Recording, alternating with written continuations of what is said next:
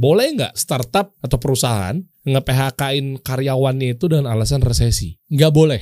Nggak Ini boleh. kena semua dong ini. Kita kasih solusi. Host nih, Farid Abdad, Pak Pengacara 12 tahun. Ampun Pak, tolong jangan. Dari Wih, legal. Weh, karena bisnis itu harus legal ya. Walau kok udah di depan. itu biasanya kita buat closing. Iya iya iya iya. Bro, jadi gini bro. Ini kan lagi rame banget fenomenal startup yang PHK PHK. Gue mau nanya sama lo, lo kan selaku legal gitu kan, selaku lawyer lah apalah.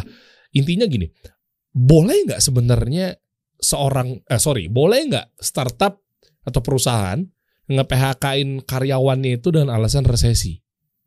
Nggak boleh. Ah serius lo? Nggak Ini boleh. Kena semua dong ini. Bentar bentar, lo pada demen kan nih nih nih? Hah? Korban-korban PHK lo pada demen kan? Sabar, tenang. Nggak boleh ya. Jangan jawab dulu ya. Oke, jangan jawab dulu. Terus juga rame lagi terkait mengenai perjanjian misalnya. Perjanjian bisnis sama partner. Ya. Ya kan? Itu kan juga jadi masalah tuh. Ya. Pesangon.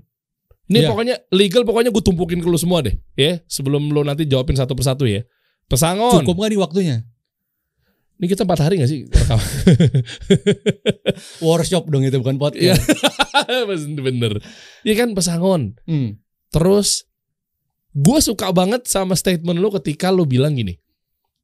eh, sebenarnya probation Masa percobaan. masa percobaan karyawan pegawai gitu ya itu kan juga tricky banget tuh yang lu bilang apa kemarin masa percobaan karyawan-karyawan Nggak yang boleh. Banyak kesalahan orang masalah probation. Rekrut, rekrut, rekrut, kontrak, abis itu, eh, kamu saya probation ya, kontrak setahun, probation dua bulan, tiga bulan. Eh. Menurut lu, lu lumrah kan itu? Lumrah Lumrah. Padahal nggak boleh. Melanggar undang-undang. Oh. Oke, menarik. Nanti jangan jawab dulu ya. Karyawan kontrak. Karyawan kontrak itu harus pakai perjanjian apa enggak?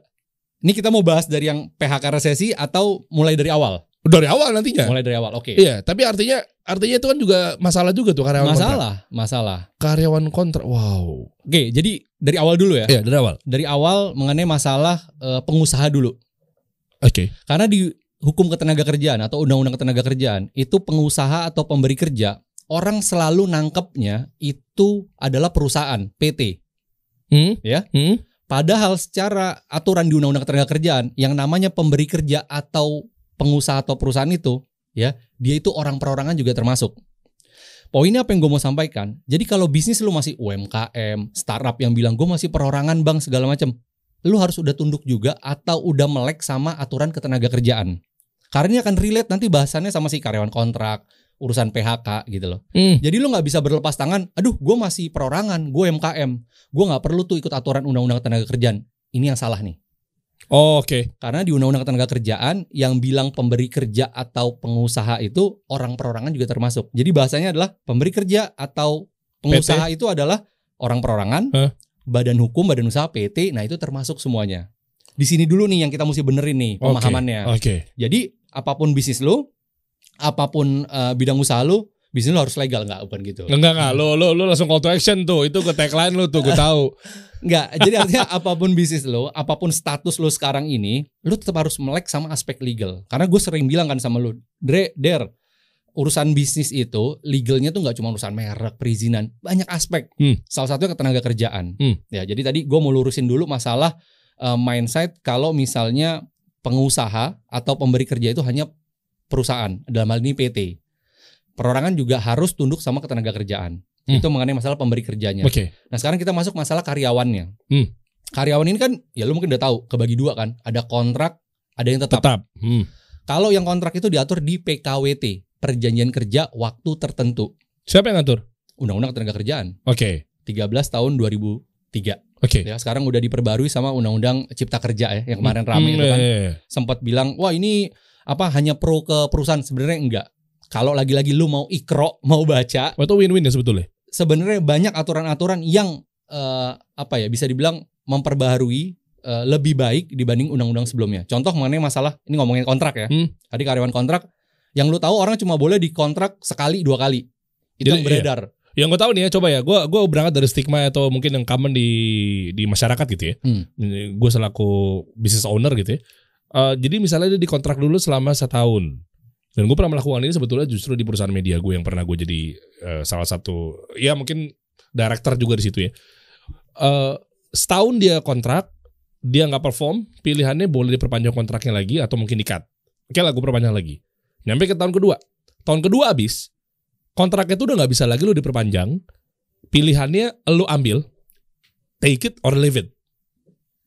Nah, itu bener apa enggak? Oke, jadi kalau secara undang-undang ketenaga kerjaan yang lama, kontrak kerja itu bisa eh, diperpanjang, pokoknya maksimal dari di kontrak awal sampai diperpanjang itu tiga tahun. Terus bisa diperbaharui dua tahun, jadi total lima tahun. Hah? Itu yang lama. Oh, yang lama kan? Yang baru, yang cipta kerja itu lu boleh meng- eh, mempekerjakan karyawan kontrak itu untuk waktu langsung lima tahun. Tinggal teknisnya lu mau kontraknya per tahun per tahun tuh boleh. Lima tahun. Lima tahun boleh maksimal. Yang dua tahun itu apa? Yang yang dua tahun kapan? Yang sebelumnya? Enggak, yang yang yang gue tahu itu dua tahun itu maksimal pilihannya kalau dua tahun dia nggak kebijakan perusahaan aja. beat ah, eh mak- maksudnya enggak ini urusan dunia maksudnya nggak ada contohnya. Secara aturan itu dibolehkan. Jadi kalau ada satu perusahaan gitu, eh gue mau bikin eh, kontrak setahun, dua tahun ditetapin, itu lebih kepada gue bilangnya internal policy-nya, internal kebijakannya si perusahaan. Ya kalau Rido sama Rido boleh dong. Boleh, kan basicnya kesepakatan, Oh, perjanjian kerja kan. Ya. Nah, jadi kalau di Undang Cipta Kerja tuh sebenarnya ada yang diperbarui jadi lebih baik. Tadi bisa dikontrak lima tahun. Hmm, Nah, terus tadi ngomongin masalah eh, karyawan tuh ada kontrak, ada tetap. Kalau misal karyawan eh, kontrak itu kan tadi pakai PKWT ya, perjanjian kerja waktu tertentu. Itu harus tertulis. Keseringan orang banyak gak kejadian kayak gini. Eh, kamu interview, besok kamu kerja ya, saya terima. Oke, kerja sebulan, dua bulan, tiga bulan. Lisannya udah bilang, kamu saya pekerjakan, saya kontrak 12 bulan. Atau katakan dua tahun. Tapi nggak dibikin perjanjian. Ini nggak boleh dampaknya apa? dampaknya statusnya secara hukum dianggap sebagai karyawan tetap. Oh, oh, oh, oh, oh. Karena oh. kalau karyawan tetap, ya tadi prinsipnya kan perjanjian itu boleh tertulis, boleh lisan. oh. Tapi undang-undang ngatur kalau lu kontrak harus tertulis. Kenapa? Ada sebenarnya pertimbangan dan menurut gue ini logik banget. Apa pertimbangannya? Lu kan ngomong sama orang, eh kamu saya kontrak 12 bulan. Kalau nggak ada tertulis, manusia bisa ngerubah nggak omongannya? Oh bisa. Bisa. Iya. Tapi kalau karyawan tetap, eh kamu saya terima kerja ya.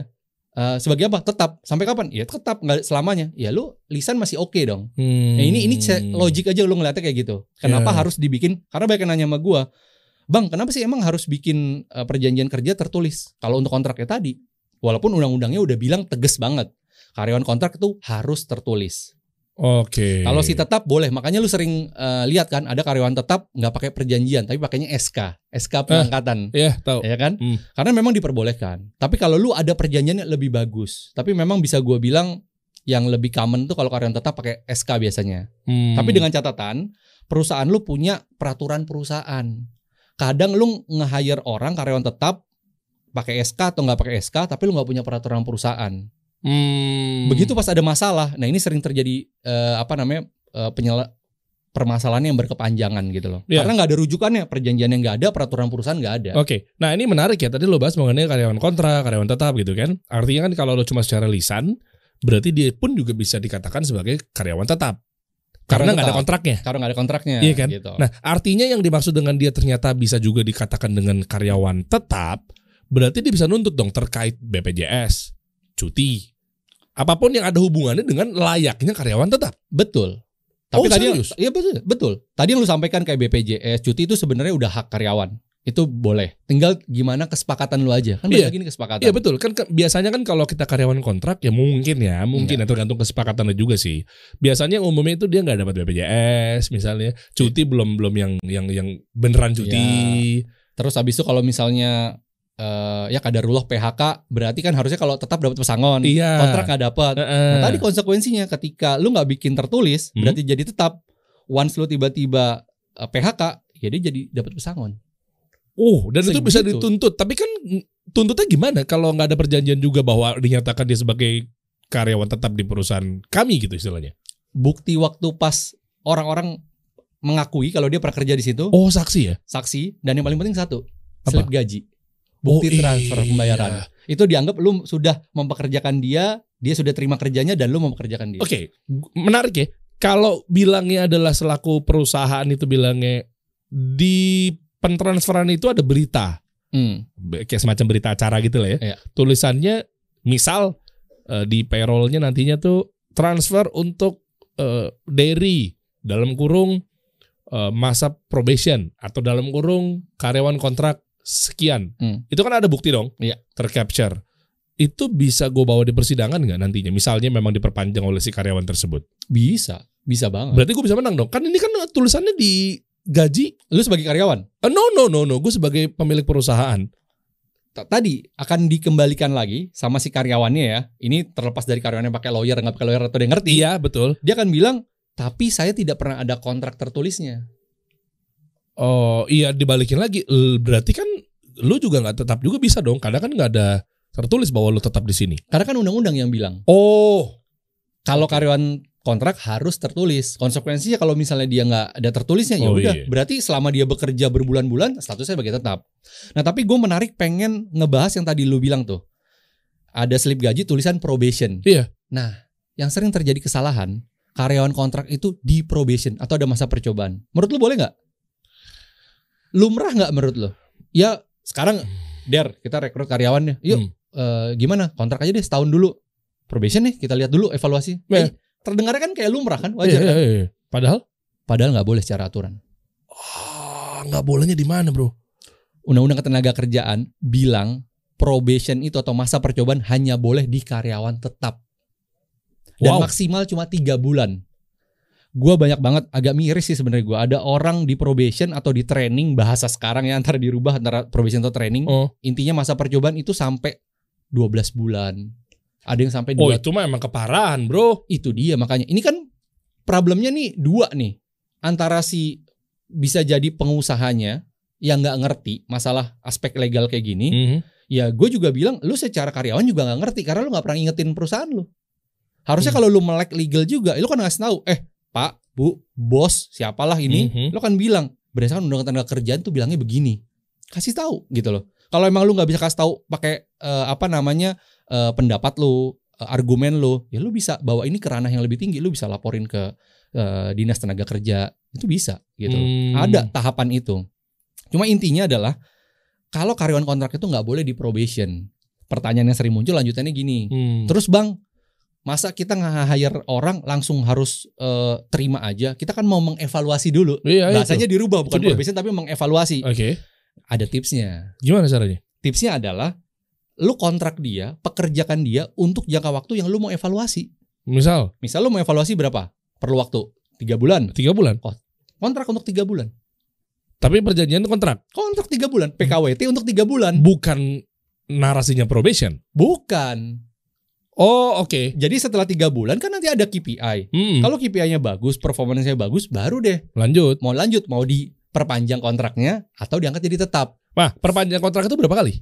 Bolehnya tadi maksimal dua tahun itu. berkali-kalinya nggak ada aturannya Oke. secara kuantitinya tapi paling lama lima tahun bolehnya Oh lima tahun ya. jadi kalau lu, lu udah kontrak Hmm. dia untuk lima tahun lu mesti putusin Eh, kalau mau pekerjakan dia berarti harus jadi tetap Oke ini stigma dua tahun berarti udah salah salah ya? nggak ada, nggak ada. Nggak ada itu ya? Nggak Ternyata yang nggak ada. tapi dari dulu pun yang gua eh, pahami ya gue sering eh, ngasih advice gitu ya di diminta untuk ngasih advice ke beberapa perusahaan itu setiap gue diskusi sama HRD-nya Hmm. itu mereka lebih bilang itu per- eh, apa namanya internal policy kita aja Oh oke ya ya ya. Ter- eh, terlepas memang ada juga yang dalam tanda kutip nggak ngerti aturan ketenaga kerjaan. Hmm. Jadi banyak HRD HRD yang nggak ngerti juga ketenaga kerjaan. Bisa tradisi aja udah. Tradisi ya benar, tradisi Hmm. gitu loh. Iya. Nah berarti gue coba simulasin lagi artinya dengan tadi misalkan gue coba karyawan kontrak tiga bulan dulu, Mm. artinya gue masih punya jatah empat bulan Empat sembilan, sorry empat tahun sembilan bulan Yes. untuk ngekontrak dia si karyawan ini sebagai karyawan kontrak di perusahaan gue. iya betul. Oh oh oh oke oke. Betul. Oke wow. Ini banyak yang hal-hal yang ternyata kita nggak tahu loh guys. Ya gue nggak tahu entah itu tradisi atau mungkin entah itu lo juga eh, belum ada wawasan ilmunya. Iya. Nah ngomongin begitu-begitu ya. karyawan kontrak, kenapa tadi gua singgung di eh, perusahaan tadi ya, pemberi kerjanya si pengusahanya itu orang perorangan. Karena ya maaf maaf nih gue mesti sampaikan ya, ada UMKM, startup, omset udah miliaran.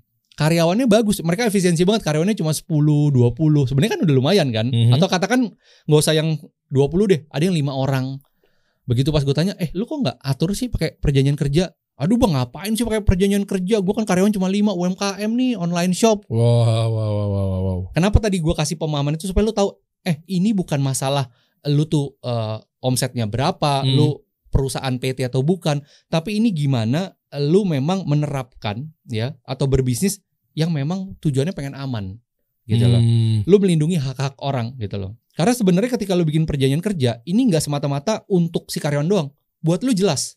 Oke. Ya, karena gue juga pernah ada kasus yang dipermasalahan karena si eh, karyawannya itu nggak bisa dibilang nggak perform lah, Hmm. KPI-nya nggak sesuai, terus habis itu targetnya nggak sesuai, nggak disiplin, datang terlambat. Pas gue tanya, emang lu ada perjanjian kerja? Nggak ada. Ada pertemuan perusahaan? Nggak ada. Ya jelas lah. Hmm. Tapi kan dia udah tahu, namanya masuk kerja jam 9, pulang tuh jam Oh, 6. Oke, oke. Namanya cuti kan begini, namanya gini. Nggak, lu tulisin apa nggak? Ya nggak, pasti dia harusnya udah tahu. Nah, ini kan Hmm, ngerti nggak lo? Oke. konsep-konsep yang kayak gini kan ini yang sering salah dan ini berkembang terus gitu loh. Hmm. Akhirnya kayak membenarkan ya udahlah gue masih kecil bisnisnya nggak perlu pakai uh, perjanjian kerja dan lain-lain. Hmm, Karena sebenarnya namanya perjanjian kerja kalau kita uh, mundur lagi ini kan perjanjian, Hmm. akad ya kan? Iya. Kan mesti jelas gitu loh, lu ter- tertulis ya. tertulis gitu loh. Lu mempekerjakan dia di bidang apa, posisi apa, salary-nya berapa, tunjangannya gimana, hak-haknya apa ini kan mesti jelas semua. Hmm, Gitu oke. Jangan sampai nanti karena lu nggak ada itu malah eh, bisa blunder balik ke lu. Mau iya, nanti akan panjang tuh di kemudian hari ketika ada masalah tuh. Iya betul. Iya kan? Tapi kalau kita ngomongin business owner dan juga karyawan, seperti yang tadi udah gue singgung di awal itu kan terkait dalam hal ketika lo pengen mecat orang gitu ya. Artinya eh, kan kayak startup-startup yang lagi fenomenal sekarang itu kan. Nah, itu kondisinya seperti apa? Apakah memang dia kalau karyawan kontrak tetap harus dapat pesangon? Ah, ya kayak gitu-gitu kan. Sebenarnya boleh apa enggak? Tadi kan lo masih gantung tuh. Nggak Ya. boleh misalnya.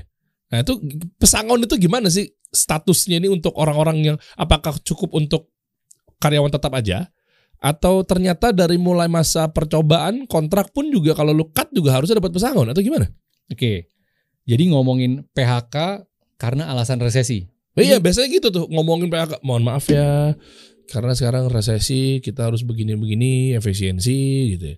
Nah ini kan force major, cia kan ada juga yang bawa force major kan? Omset kita turun. Itu. ya. Bisnis kita merugi, kita harus melakukan PHK gitu-gitu ya. Heeh. PHK karena alasan tadi misalnya resesi itu nggak boleh Aku nggak boleh. kalau nggak sesuai dengan aturan. Oh oke. Kalau Oke. nggak sesuai dengan undang-undang. Oke, oke. Karena di undang-undang ketenaga kerjaan tuh jelas banget nyebutin alasan-alasan PHK. Banyak banget. apa aja tuh? Salah satunya misalnya ada perusahaan melakukan merger atau eh, perusahaannya diakuisisi. Terus si eh, karyawan tuh kalau misalnya dia eh, kasarnya keberatan dengan merger tersebut Hmm. karena dia tahu wah nih kalau misalnya di merger atau diakuisisi mungkin culture-nya akan berubah, Hmm. policy atau kebijakannya akan berubah. Dia boleh tuh minta PHK. Nah, ini nih ini yang menarik nih. Oke. Sekarang gue tanya sama lu deh, gue tanya Mhm. balik sama lu. Mhm. PHK itu oleh perusahaan atau oleh karyawan? Wah, iya yang kita tahu mah biasanya dari perusahaan lah. Nah, Karyawan minta di PHK, nah ini dia nih. resign. Nah tuh kan, lu Hah? tambahin lagi makin lengkap nih. PHK nih bro, Heeh.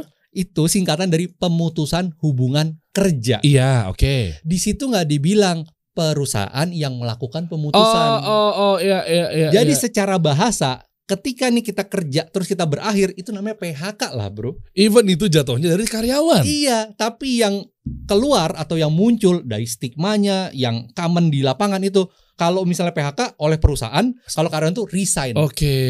Waktu lu resign, ya kan itu putus hubungannya. Iya. Pemutusan hubungan kerja gitu. PHK juga PHK ya. juga. Nih jadi ada salah penggunaan istilah yang lumayan apa namanya Iya. uh, berdampaknya ke mana-mana gitu loh. Dan kesan tuh kayaknya mencekam gitu. Kalau PHK tuh satu arah.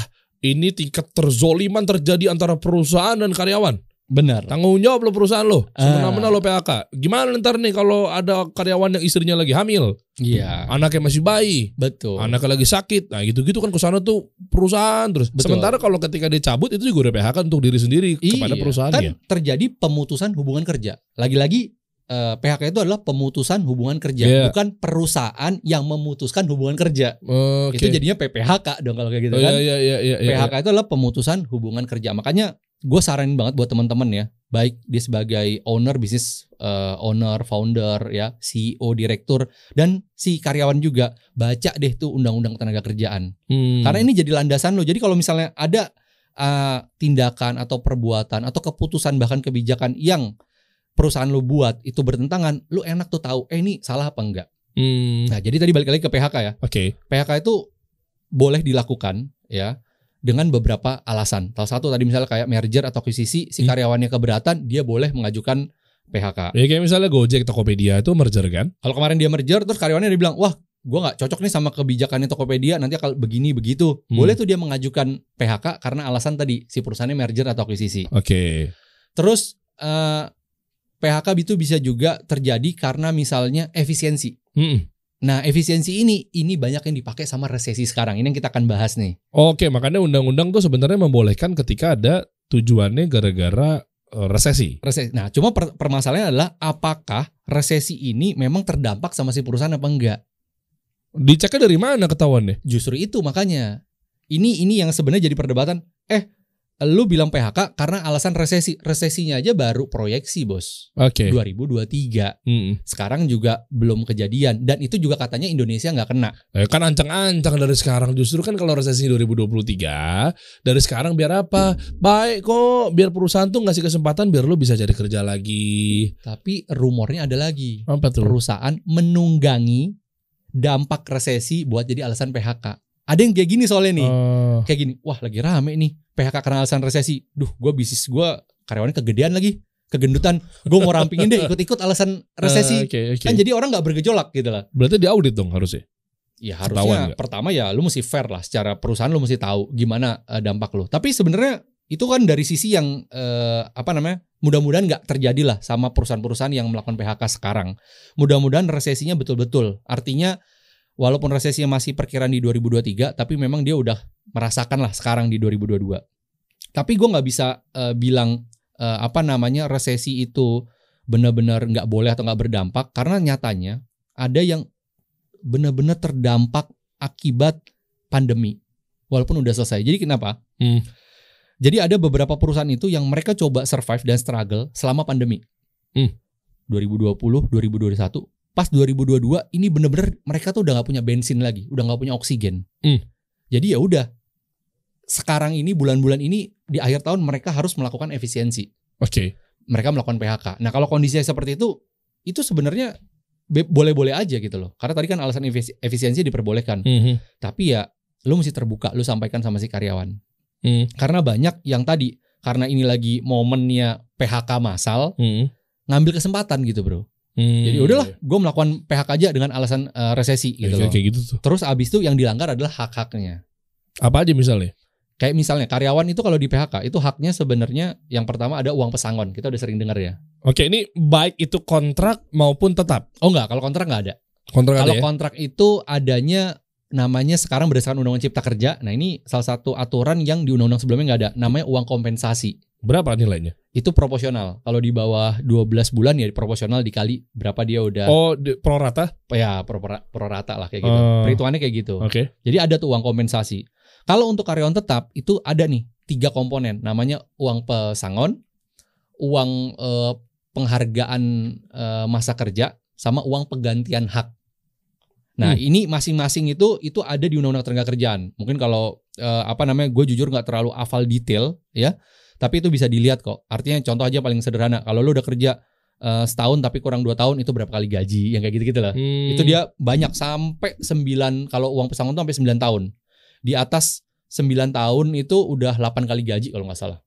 Hmm. Saran gue teman-teman bisa baca itu kok. Itu bisa dipublish kok di dan bisa dicek aja. Ih, pada malas baca juga sih kadang sih. baca. Jadi ada uang pesangon, ada Hmm. uang eh, penghargaan masa kerja, ada Hmm. uang penggantian hak.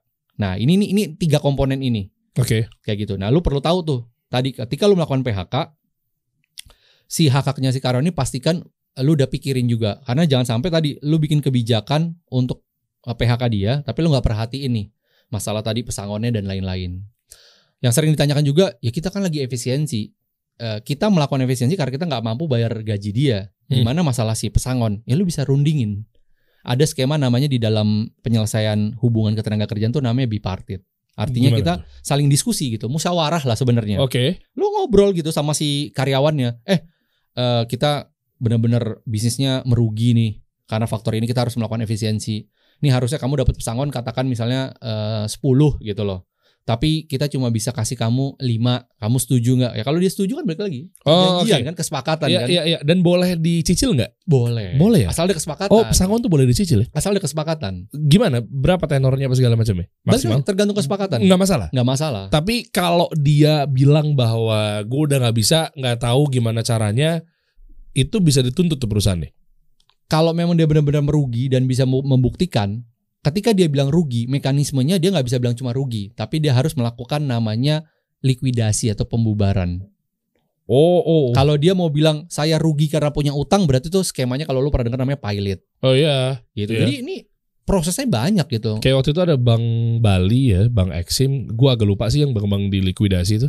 Ya. Ya. Ma- maaf kalau salah ya. Iya. Tapi kan sempat sempat hampir-hampir juga Arta Graha, cuma ternyata nggak jadi. Ya, Ya, gitu-gitu. tuh. pokoknya kalau sederhananya kalau perusahaan mau tutup, itu namanya dibubarkan prosesnya likuidasi. Iya. Jadi likuidasi itu artinya pembubaran. Sesuai undang-undang eh, PT itu disebutnya pembubaran itu adalah likuidasi. Oke, dan itu bisa dituntut nggak?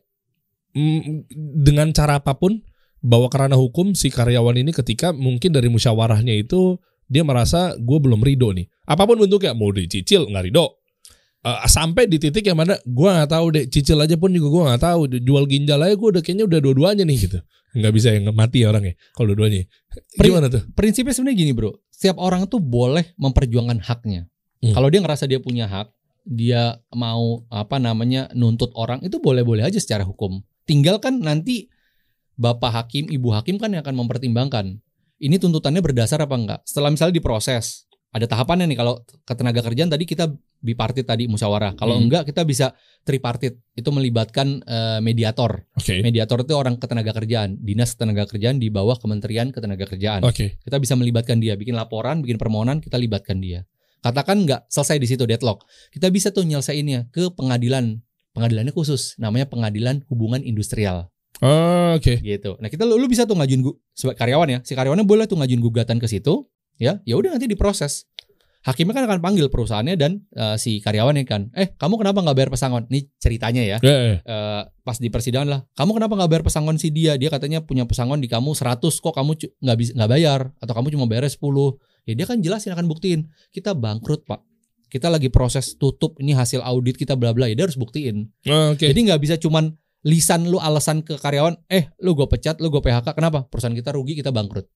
Itu Oh, nggak bisa. Nggak bisa tuh. Itu, Itu nggak dampaknya malah jadi kena apa? Pidana si perusahaannya, o- ownernya, let's say direkturnya. Ya kalau misalnya yang dituntut adalah hak-haknya, ya dia bisa bawa tadi ke ranah ke hubungan industrial tadi ke tenaga kerjaan. Oh. Tapi kalau karena statement-statementnya dia berbohong, apalagi dia tambahin dengan bukti-bukti bohong, nih lo kita rugi, padahal nggak rugi, nah itu pidana tuh, mau masuk ya? bisa rasanya pidana. Oke, Gitu. memang memang harus jelas sih teman-teman ini terkait perjanjian apa segala macam clear.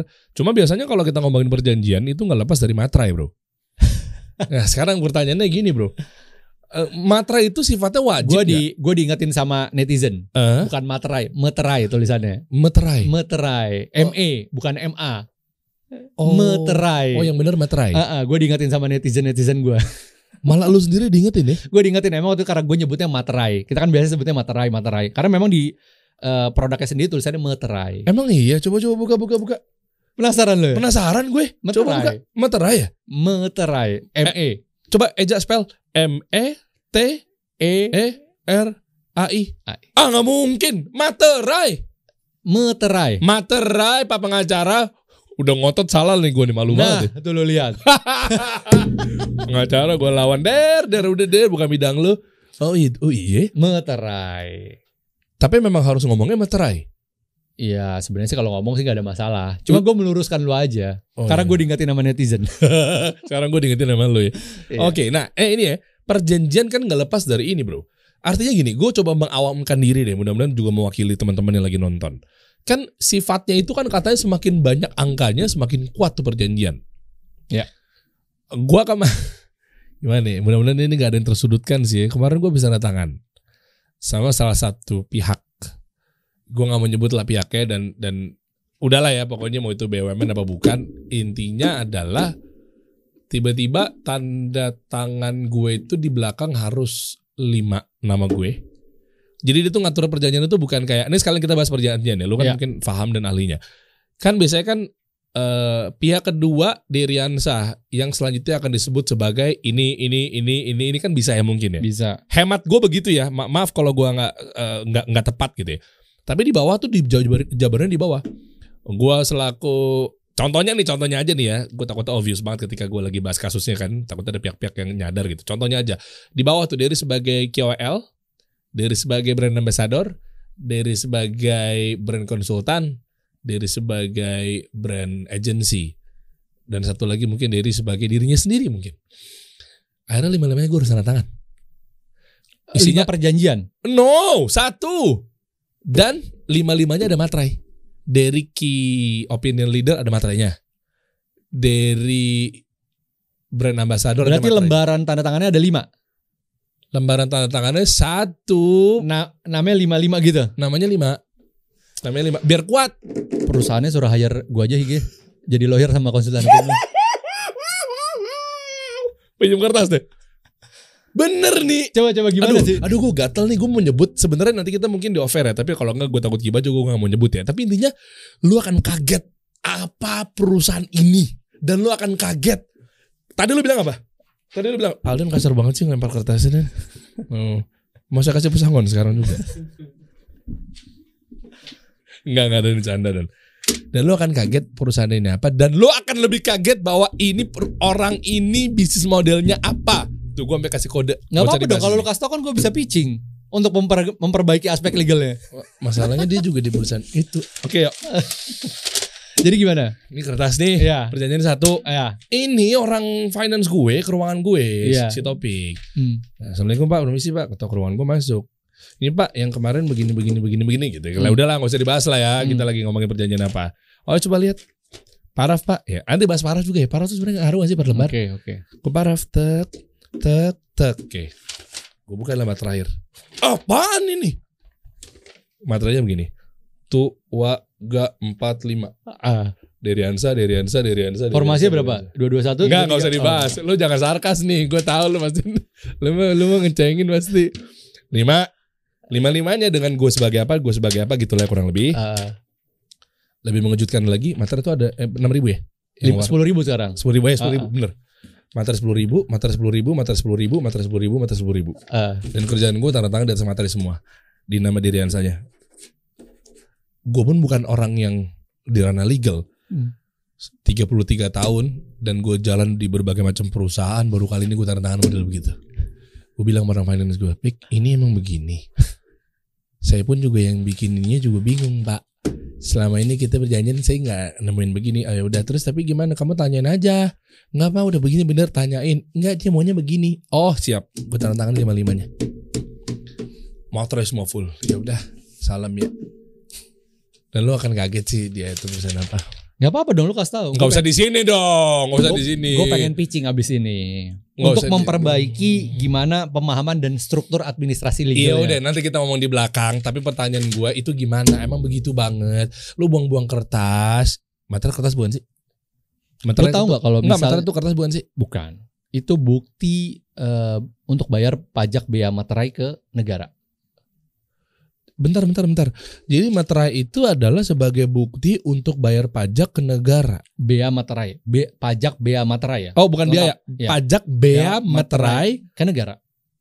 Supaya kalau dokumen ini dijadikan bukti itu dia udah bayar si pajak beanya materai tadi. Nggak, sebentar. Artinya kalau kayak gitu berarti itu bukan menjadi syarat sah untuk perjanjian dong. Yang bilang materai syarat sahnya perjanjian siapa?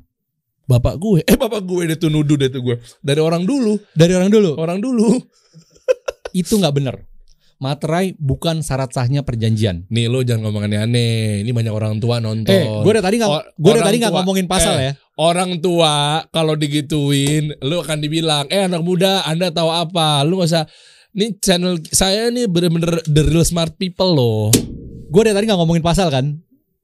Nggak Enggak. ngomongin pasal kan. Nih, biar terlihat lawyer beneran nih gue akan ngomongin pasal nih. gue akan ngomongin pasal nih. Jadi biar kalau- lu kelihatan. kalau pengacara bener harus pakai pasal. Harus pakai pasal. Coba buktiin kalau lu berani pakai KUHP yang mana yuk. Wah, lalu main pidana-pidana aja. Nih. gua gua lo kan lu simak baik-baik ya. Hmm.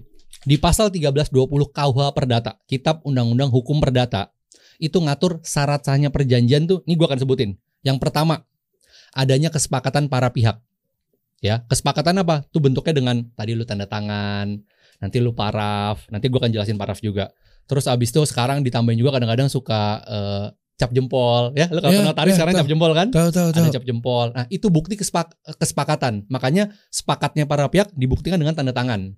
Makanya kenapa orang bilang kalau bikin perjanjian tertulis lebih kuat karena kalau lisan tadi lagi-lagi lu nggak bisa membuktikan kesepakatannya dia karena nggak ada dokumentasinya. Bisa jadi bohong. Bisa jadi bohong kan, bisa Hmm. jadi dirubah. Eh, dulu gue mau ngasih lu 5 juta, tiba-tiba gue ralat, gue mau ngasih lu sejuta aja. Hmm. Nggak ada perjanjian, nggak ada Oke. dokumentasinya. Oke. Jadi yang pertama syarat sahnya perjanjian adalah harus ada kesepakatan dari para pihak. Yang kedua, pihaknya itu harus cakap, bukan cakep ya. Cakap. Cakap tuh gimana? Cakap tuh dia sudah dewasa secara Oke. hukum. Oke. Terus abis itu dia eh, cakap itu kalau misalnya perusahaan eh, yang mewakili perusahaan siapa? Direktur kan? Ya Hmm. berarti bisa tanda tangan direktur. Oke. Kalau misalnya eh direkturnya lagi di luar kota, di luar negeri, perjanjiannya mesti tanda tangan. Siapa yang tanda tangan? Manajernya. Bisa. Gimana supaya dia cakap? Dia harus pakai surat kuasa Oke, ditunjuk tahu. sama direktur. Nah, itu yang kedua. Jadi Oke. harus cakap atau biasa gue sering bilang pihaknya nih valid lah, Oke. ya. jelas. Ini empat kan berarti sekarang ketiga nih. Yang ketiga Hmm. ada objek perjanjiannya. Ya jelas dong. Lu tadi mau bikin perjanjian, jelaskan. Oh, apa eh, objeknya? Objeknya adalah pemberian jasa. Lu Hmm. sebagai KOL, brand ambassador itu kan objeknya jasa berarti kan. Hmm. Kalau misalnya lu jual beli rumah, ya jelas dong ada rumahnya di mana, Ah, luasnya berapa, kayak gitu-gitu. Itu namanya objek perjanjiannya harus ada. Oke. Jadi lu nggak bisa bikin perjanjian tiba-tiba apa nih perjanjian? Nggak gua malu pengen tanda tangan aja kan nggak mungkin. Oke, dan yang tadi tuh bener tuh tiga tuh. Gua tuh di situ ada kayak ke semacam kejasaannya. Iya. Ada juga itu biasanya ditaruh lah eh, teknis mau di pasal 3, 4 intinya ada bahasanya eh, pelaksanaan pekerjaan, ya. cara eh, apa pemberian jasa kayak gitu gitulah. Itu judul doang nggak ada masalah. Oke. Itu tiga ya. Tiga nah, ya. Yang keempat nih baru nih materai nih. Yang keempat adalah materai, materai. perjanjiannya objeknya tadi tidak boleh bertentangan dengan undang-undang. Loh materainya mana? Nggak tahu. Enggak, lu ngarang. Kan ada materai nih. Buktinya gue pakai materai sampai 5 Lu boleh buka KUH Perdata pasal 1320 tuh syaratnya cuma 4. Materai di mana? Nggak ada. Loh berarti kalau perjanjian kalau nggak ada materai sah dong? Sah. Berani gue bilang. Hah? Terus pertanyaannya gini. Tadi gue sempat ngomong kan, kan kalau misalnya dokumen mau dijadiin eh, sebagai alat bukti pembuktian di persidangan, kan harus tadi ada bea materainya kan. Iya. iya. Sedangkan tadi gue bilang perjanjian tanpa materai itu sah. Huh. Sah. Tapi kalau dia seandainya kasus mau dibawa ke persidangan, itu tinggal dinamanya nasegel. Pemateraian kemudian. Lu tinggal datang kantor pos, datang bilang, saya mau nasegel, saya mau materaikan. Udah. Kan tanda tangannya di bawah, berarti materainya di atas dong. Iya sebenarnya memang nggak ada ketentuannya materai itu apa tanda tangannya harus di atas materai. Selama ini kita kena tradisi. Bukan. Kalau gi- lagi-lagi gini, gue pengen lurusin ya. Karena pas gue bahas ini, semua pada bilang, aduh bang, ngapain repot-repot nasegel? Ini gue sekarang mau klarifikasi Oh di ya sini ya. ah, bener, Dia setuju. Ngapain gitu? Eh kan gue bilang materai itu gue lagi jelasin bukan syaratnya perjanjian. Tapi kalau lu pas mau tanda tangan ya ada materai di kantong, di eh, toko sebelah ada jual materai, ya lu tempelin deh, nggak apa-apa. Gue Hmm. lagi nggak bilang bikin perjanjian jangan pakai materai. Oh ya Iya ya, kan? oke oke. Ini gue sekarang klarifikasi Ya, karena ya, waktu ya. pas di konten gue, Ini gue tungguin tuh Gua- kalimat lu. gue dihujat adalah bang, lu repot-repot amat sih ngasih tips pakai nasegel nasegel. Gue lagi jelasin materai itu bukan syarat hanya perjanjian. Terus kalau lu hmm. udah bikin perjanjian terlanjur nggak ada materai, lu bisa materain kemudian pakai nasegel. Gue lagi nggak bilang, eh lu mulai sekarang bikin perjanjian nggak boleh pakai materai. Oh, iya. Itu kan beda kan. Ini clear beda, Mesti beda, smart beda. people kan. Iya. Nah, kayak gitu. Betul, kecuali sekarang, memang sekarang lu dari- gini, ah. misalnya gua sama lu lagi kita lagi traveling nih, Hmm. kita lagi di dalam eh, kapal pesiar. Hmm. Gua lagi mau bikin perjanjian sama lu. Terus gara-gara gak ada materai kita gak jadi transaksi satu M gitu. Itu loh maksud gua. Iya, iya, iya. Masa lu mesti nyari materai dulu di warung gitu loh. Masa kapal pesiar lu suruh melipir ke tukang fotokopi? Artinya yang gue mau sampaikan, di mana pun lu berada, lu mau bikin kesepakatan sama orang lain, jangan sibuk sama materainya. Karena pernah kejadian bro, lagi eh, ini gue pernah ngalamin kasus sendiri. Ada orang eh, utang, tiba-tiba ketemu nih sama orang di luar, langsung lah ibaratnya, eh lu mana aja gue kontak nggak pernah ini, duduk bareng, ya ngobrol biasa. Tiba-tiba kan dia mau bikin pernyataan tuh. Hmm. Mereka eh nggak ada materai nih, nggak jadi tanda tangan.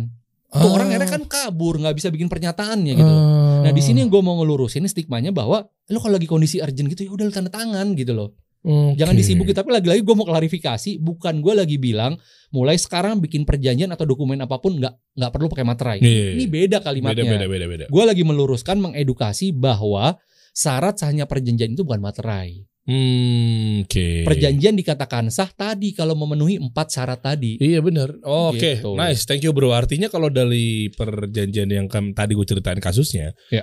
em, nggak pakai materai pun dua ya, yang mau gue garis bawain di sini ya, nggak pakai materai juga nggak apa-apa. Dan yang kedua harus berjembreng ya, nama gue. Enggak perlu bro. Kan bener nggak kata gue? Gue ini awam aja menilai, tapi lu juga bisa koreksi sih. Deriansa eh, pihak kedua Deriansa selanjutnya akan disebut sebagai lima ya. Brand ambassador, KOL, brand consultant, brand agency, ini misalnya sampai lima deh. Cukup nggak sih di situ? Cukup. Baru di bawah tinggal pihak kedua Deriansa tanda tangan. Ih, Cukup banget. Kecuali posisi ke itu diisi oleh lima orang yang berbeda. Oh. Itu boleh namanya pihaknya ada lima. Kalau pihaknya ada lima, itu juga bukan lima materai ditempel lima tantangan, tapi dibikinnya lima rangkap bos. Enggak, gue satu rangkap. Satu rangkap itu maksudnya gini, ada dua, satu yang dia pegang, atau lagi yang gue pegang. Yang ada materainya itu yang dia pegang. Iya itu yang kan, kayak biasanya. itu kan para pihaknya karena ada dua. Makanya Ah. dibikinnya dua rangkap itu Iya, istilahnya. Satu lu, satu dia kan. Nah, dua-duanya gue tanda tangan lima kali. Di atas lima materai. Iya. Ya itu yang salah. Yang di yang kosong, yang buat yang gue pegang, itu nggak ada materainya, tapi tetap lima. Tahu gak sih? Tetap lima tanda tangan. lima tanda tangan. Nggak perlu lah. Nggak perlu. Itu Oh, pem- itu pemborosan tanda tangan loh namanya dan pemborosan materai. Lumayan gocap. Oh iya. Dan kalau memang misal, misal, misal doang nih, misal. Tiba-tiba perusahaan yang ngerti hukum juga gimana? Misal, misal. Nggak yakin sih gua kalau ngerti hukum. Atau memang ya nggak punya legal atau nggak punya lawyer atau konsultan hukum yang Oh, jualan. nih. memberikan saran Jualan. yang baik. gitu. Jualan nih, ujungnya jualan nih. Jadi buat siapa pun perusahaan yang kemarin habis tanda tangan sama Derry, lo bisa kontak di eh, Hibra ya, hibra.id atau bisa kunjungi website kita hibra.co.id. Karena bisnis harus Legal. Untung gue temenan sama, sama lu nih, nih.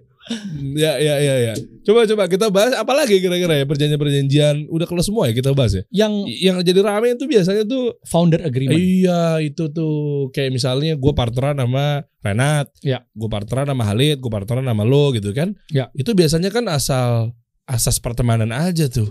Pertemanan karena kedekatan boleh, Hmm. Ya. tapi pastikan lo ada perjanjian. Nah, sebelum lo masuk perjanjian, gue selalu sampaikan ini walaupun ini nggak eh, kerana legal, tapi ini menurut gue eh, perlulah gue sampaikan karena banyak gue temukan orang bikin perjanjian, baik perjanjian bisnis tadi founder agreement, kerja sama apa pun itu, ternyata dia nggak benar-benar mengenali siapa lawan transaksinya, siapa pihak lawannya, Oke, karena dia nggak melakukan profile check oke. gitu loh. Hmm. Nah, gue selalu sampaikan, eh lu sebelum tanda tangan sama orang, sebelum muamalah sama orang, Hmm. apalagi mau berbisnis ya, cari bisnis partner lah istilahnya gitu. Iya, hah? Cari bisnis partner, gue sarankan lu untuk melakukan profile check. Profile checknya gimana? Gimana tuh? Gue selalu menggunakan metode metodenya Umar bin Khattab. Wah, masya Allah, radhiyallahu an. Gimana? Umar waktu pas ditanya, gimana kita untuk menilai orang, cek muamalahnya gimana? Ah, Pertanyaannya, lo bang, gue kan baru mau baru mau muamalah. Gimana gue tahu muamalahnya dia? Lu bisa tanya sama orang, cari referensi. Eh, lu kenal nggak sama dia? Gitu loh. Misalnya gue mau muamalah nih sama eh, tim lu. Eh, lu kenal eh sama Derry gitu. Gue tanya, eh lu kenal Derry kan? Derry gimana? Wah, utang aja nggak bayar. Nah, kan udah kayak gitu. ngomong ju- jujur amat dong. Gitu. Intinya kan dia bisa ngasih referensi. Iya, Oh iya. baik segala macam. Itu kita yang pertama. Terus Hmm. kedua kan Umar bilang, eh, lu udah pernah safar nggak sih sama dia? Ah, iya. Karena waktu pas safar itu bener loh kita kan lihat tuh gimana sifatnya orang, wataknya orang. Hmm. Nah bahkan gue apa sering nyampein juga safar tuh nggak mesti bepergian kayak misalnya ya gue pergi sih di mobil meeting dari eh, coffee shop ini coffee shop itu kan cuma sejam. Iya. Safar ini yang lama gitu loh seharian. Jadi lu lihat wataknya dia terima telepon dari pegawainya, dari istrinya gimana. Kalau terima telepon marah-marah kan udah ketahuan wat, apa Iya. udah ketahuan wataknya kayak gimana. Atau enggak jangan kan ke pihak yang luarnya atau mungkin pihak luar si orang itu lagi safar bareng ya. Bisa jadi mungkin gara-gara kita sering bareng berantem tuh ada tuh emosi, egois. Benar. Ya kan kelihatan semua idealis ah macem-macem deh tuh. Nah terus buat melengkapi tadi selain safar juga lu silaturahmi ke, ke rumah keluarganya. Iya. Maksudnya ke rumahnya dia gitu. Hmm. Lihat di keluarganya dia gimana. Hmm. gitu loh sama anaknya gimana kalau pas sama anaknya aja udah marah-marah ngebentak-bentak lo bisa pertanyakan nih sama keluarga aja begini gimana sama partner Oh iya, gue Gitu. jadi ingat kisah kayak guru-guru kita atau ustadz-ustadz kita pernah bercerita tentang si roh yang gue lupa waktu itu ada salah satu ya ya alu hadis gitu ya ketika lagi mencari satu hadis tiba-tiba ngeliat ada disangkanya nih perawi nih samperin terus tiba-tiba dia lagi bercanda sama eh, seekor unta ya yang ternyata untanya pura-pura mau dibecandain buat dikasih makan nih. Gue lupa maaf ya teman-teman kalau salah ya. Dibecandain. Ternyata eh bohongan Ah, iya. gitu. Ketahuan langsung nggak jadi tuh. Berarti dia bisa dibilang tuh mungkin doif atau mungkin nggak nggak sah untuk eh, dijadikan sebagai perawi hadis karena sebagai hama binatang aja dibohongin. Ya. Ikan pura-pura mau dikasih makan. Tapi mungkin dibohongin ya nggak ada makanannya. Gue agak lupa teman-teman silakan tambahin gitu ya. Ternyata pas ngeliatnya udah nyampe nih orang kayaknya nih ulama nih. Tapi sama binatang aja pura-pura tuh. Ya. Kayak Wah, gitu kan itu bisa bohong nih jangan-jangan nih. Ah, itu kan Ah. bisa jadi indikasi kan. Karena Iya. banyak permasalahan kasus hukum yang gua hadapin itu Mhm. khususnya masalah perjanjian, bisnis Oke. partner kerjasama. Oke. Itu nggak sepenuhnya akibat dari si isi perjanjian. Hmm. Balik lagi si pihaknya kadang-kadang. Oke. Entah pihaknya memang yang nakal, Mhm. memang nggak beritikat baik. Ini banyak faktor nih Der. Mhm. Jadi gue selalu bilang, lu lihat dulu nih, melakukan profile check lah ke si eh, orang yang lu ajak transaksi gimana. Kalau memang lu udah eh, apa namanya, udah nge-profile, ah kira-kira eh, orangnya amanah, baik, jujur lah segala macam, udah oke deh kas- katakannya, lu bikin perjanjian tertulis. Kenapa harus tertulis? Karena ini tadi untuk dokumentasi. Ya, kalau lu misalnya mau bikin bisnis bareng, founder bikin founder agreement, mau jual beli ya bikin perjanjian jual beli. Judul nggak ada masalah. Lu mau tulis perjanjian aja nggak pakai embel-embel juga sebenarnya oke aja. Oh boleh ya? Boleh. Gue sampai kadang sekitar gue menghabiskan waktu gue 30 menit untuk mikirin judulnya sih. Judulnya ya. Hmm. Nah, karena lu ahli copywriting. lu bapak copywriting jadi lu terlalu fokus sama headline-nya gitu. emang iya sih. Ini perjanjian apa Perjanjian ya? apa gitu. Surat perjanjian. Lu kalau simpel-simpel lu tulis perjanjian aja udah oke, Bro. karena, karena isi di ada- dalamnya ada pasal-pasalnya. Ada ya? pasal-pasalnya. Oh, nah tapi kalau gue perjanjian lewat kwitansi gimana? Biasanya tuh kalau lewat kwitansi itu ada tuh kita perjanjian, oke kwitansi, oke set nggak sah fix menurut gue karena dia nggak tertulis dalam surat yang bener HVS 4A 4 bla bla bla gitu. Kwitansi ukurannya seberapa sih, Bro? Lu mau ngatorin pasal-pasal detail-detail uang miliaran-miliaran pakai kwitansi tuh gimana? Coba. Bener kan, bener kan. Berarti menurut gue, gue nggak tahu. Mungkin lu detail ya mengenai pasal ya. Hmm. Kalau gue tuh kayak lebih kepada, mungkin gue juga orang brand ya. Jadi kayak eh, enggak nih image-nya nih kayaknya nggak perjanjian nih. Ini Ah, eh, positioningnya keganggu nih. lu image banget orangnya nggak image banget.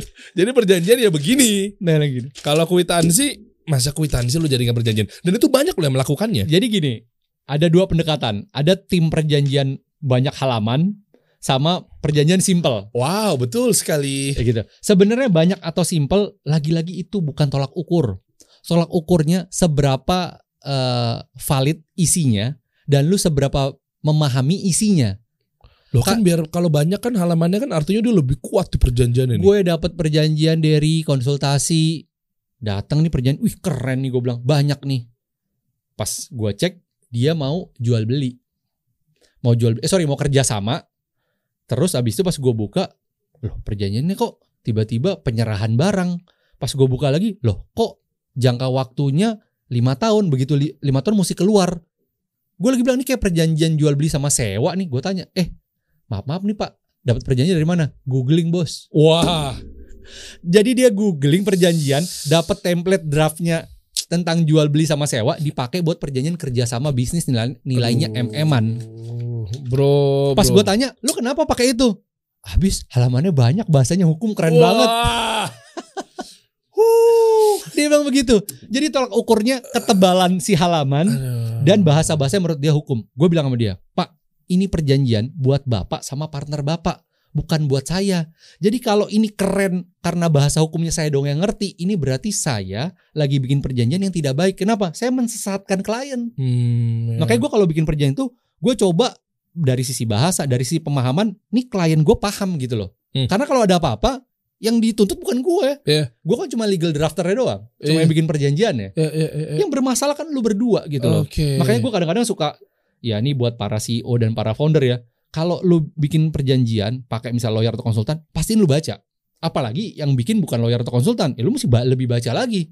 Lu Hmm. suruh staff lu segala macam, lu baca deh isinya. Jangan "Oh, udah oke ya, udah oke, oke saya tanda tangan ya gitu. Enggak kayak gitu. Hmm, Oke. Lu mesti pahami karena kalau ada apa-apa, ya balik lagi lu kan harus tanggung jawab.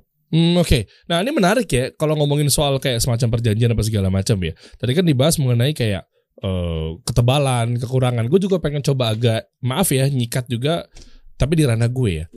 Eh, lu kan juga berpikir bahwa kayak ngapain gue ikutan workshop Derry mengenai marketing, branding. Kan di googling banyak ilmu-ilmunya. bertebaran. Gue lagi-lagi nggak menyalahkan si pemilik domain atau si pemilik media portal tersebut dengan memberikan informasi ilmu yang luar biasa. Ya top, saya menghargai dan eh, mengakui bahwa ya mungkin anda juga sudah berkontribusi gitu kan di ranah eh, halayak publik. Tapi maksudnya juga nggak bisa juga semua disamaratakan sih sebetulnya. Ya kan maksudnya lo hal-hal ketemu teman aja oknum ada. Apalagi lo nggak kenal orang itu siapa. Satu dan yang kedua, lo bisa memvalidasi dari mana kalau itu terkait dari siapa sumbernya, siapa kreatornya. Sama kayak tadi kan, gue juga tahu tuh perjanjian lewat aja cari ya eh, apa biasanya template perjanjian kerjasama. Iya. Oh jutaan bahkan miliaran artikel-artikel di luar gitu ya, sama kayak ilmu juga. Apa pun itu lah bentuknya. Nah cuma gue pengen lu edukasi deh ke teman-teman. Mungkin kalau gue kan tadi dari ranah si brandingnya, marketingnya ya. Kalau dari ranah lu seperti apa? Artinya apakah memang gue harus memakai satu jasa yang betul-betul gue door to door ke kantor-kantor atau mungkin notaris, kenalan? Berarti gue nggak boleh banget googling gitu? Nah itu gimana sih?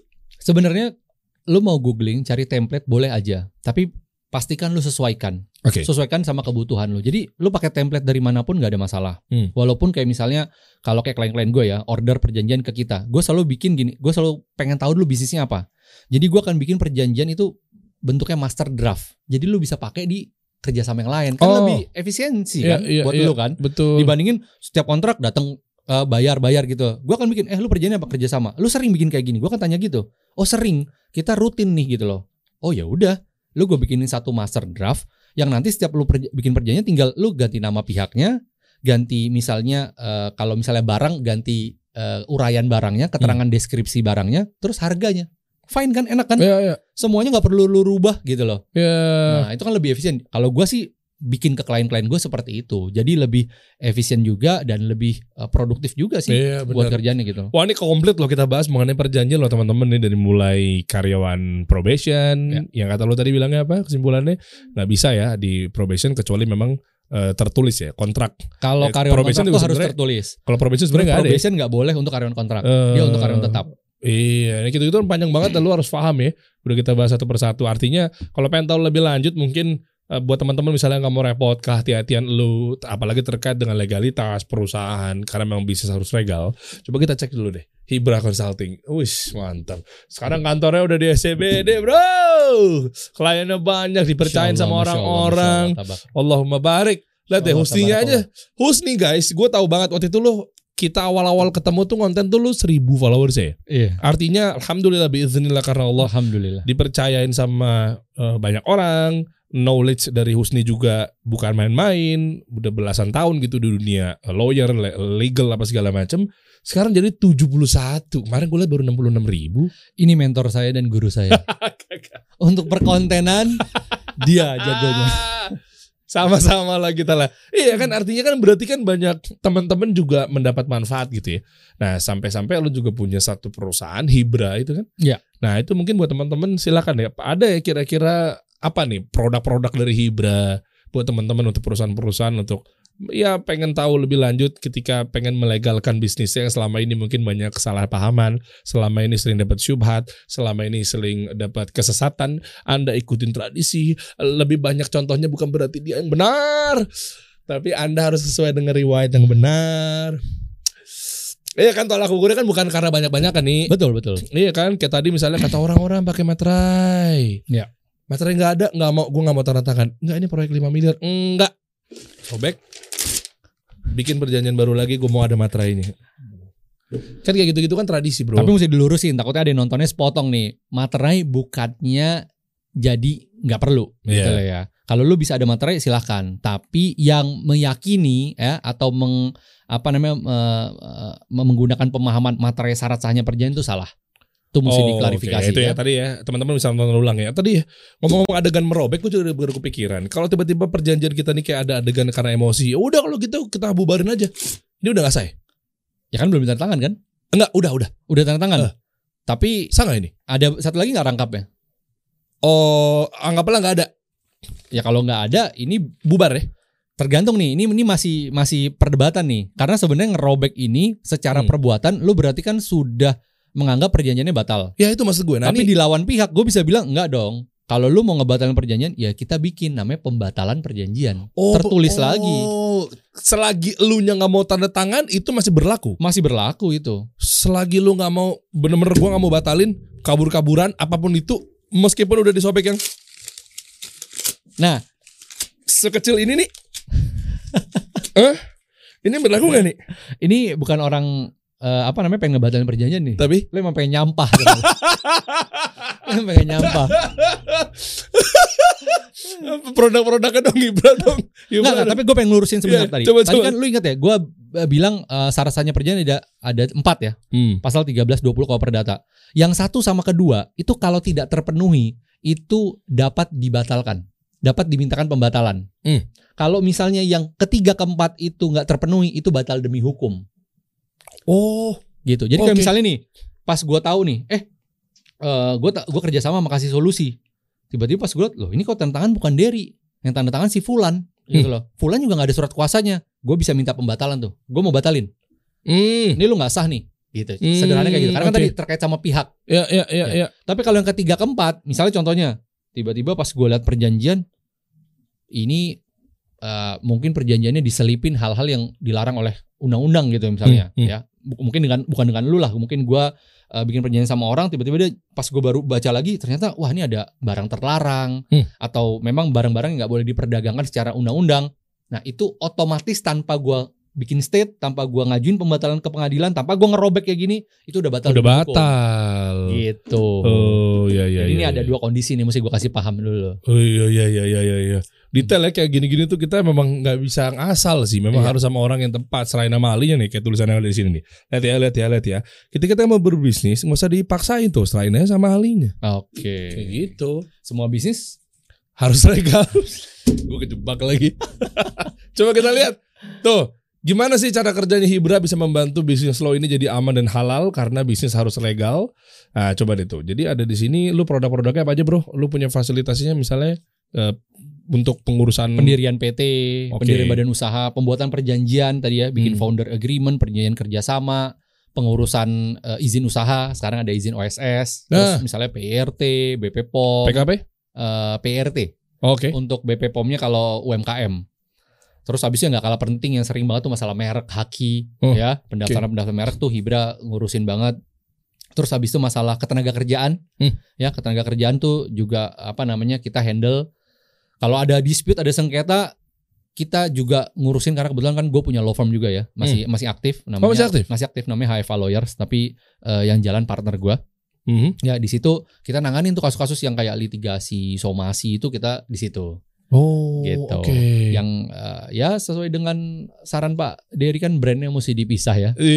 Jadi Brandingnya mesti dipisah gitu. ya ya ya. Jadi ya kita kita bedain. Nah, terus eh, teks juga kita sekarang handle ya untuk pelaporan pajak, Hmm. untuk eh, audit dan tax planning kita sekarang ada. Oh, banyak juga ya. Coba ke sosial medianya dong.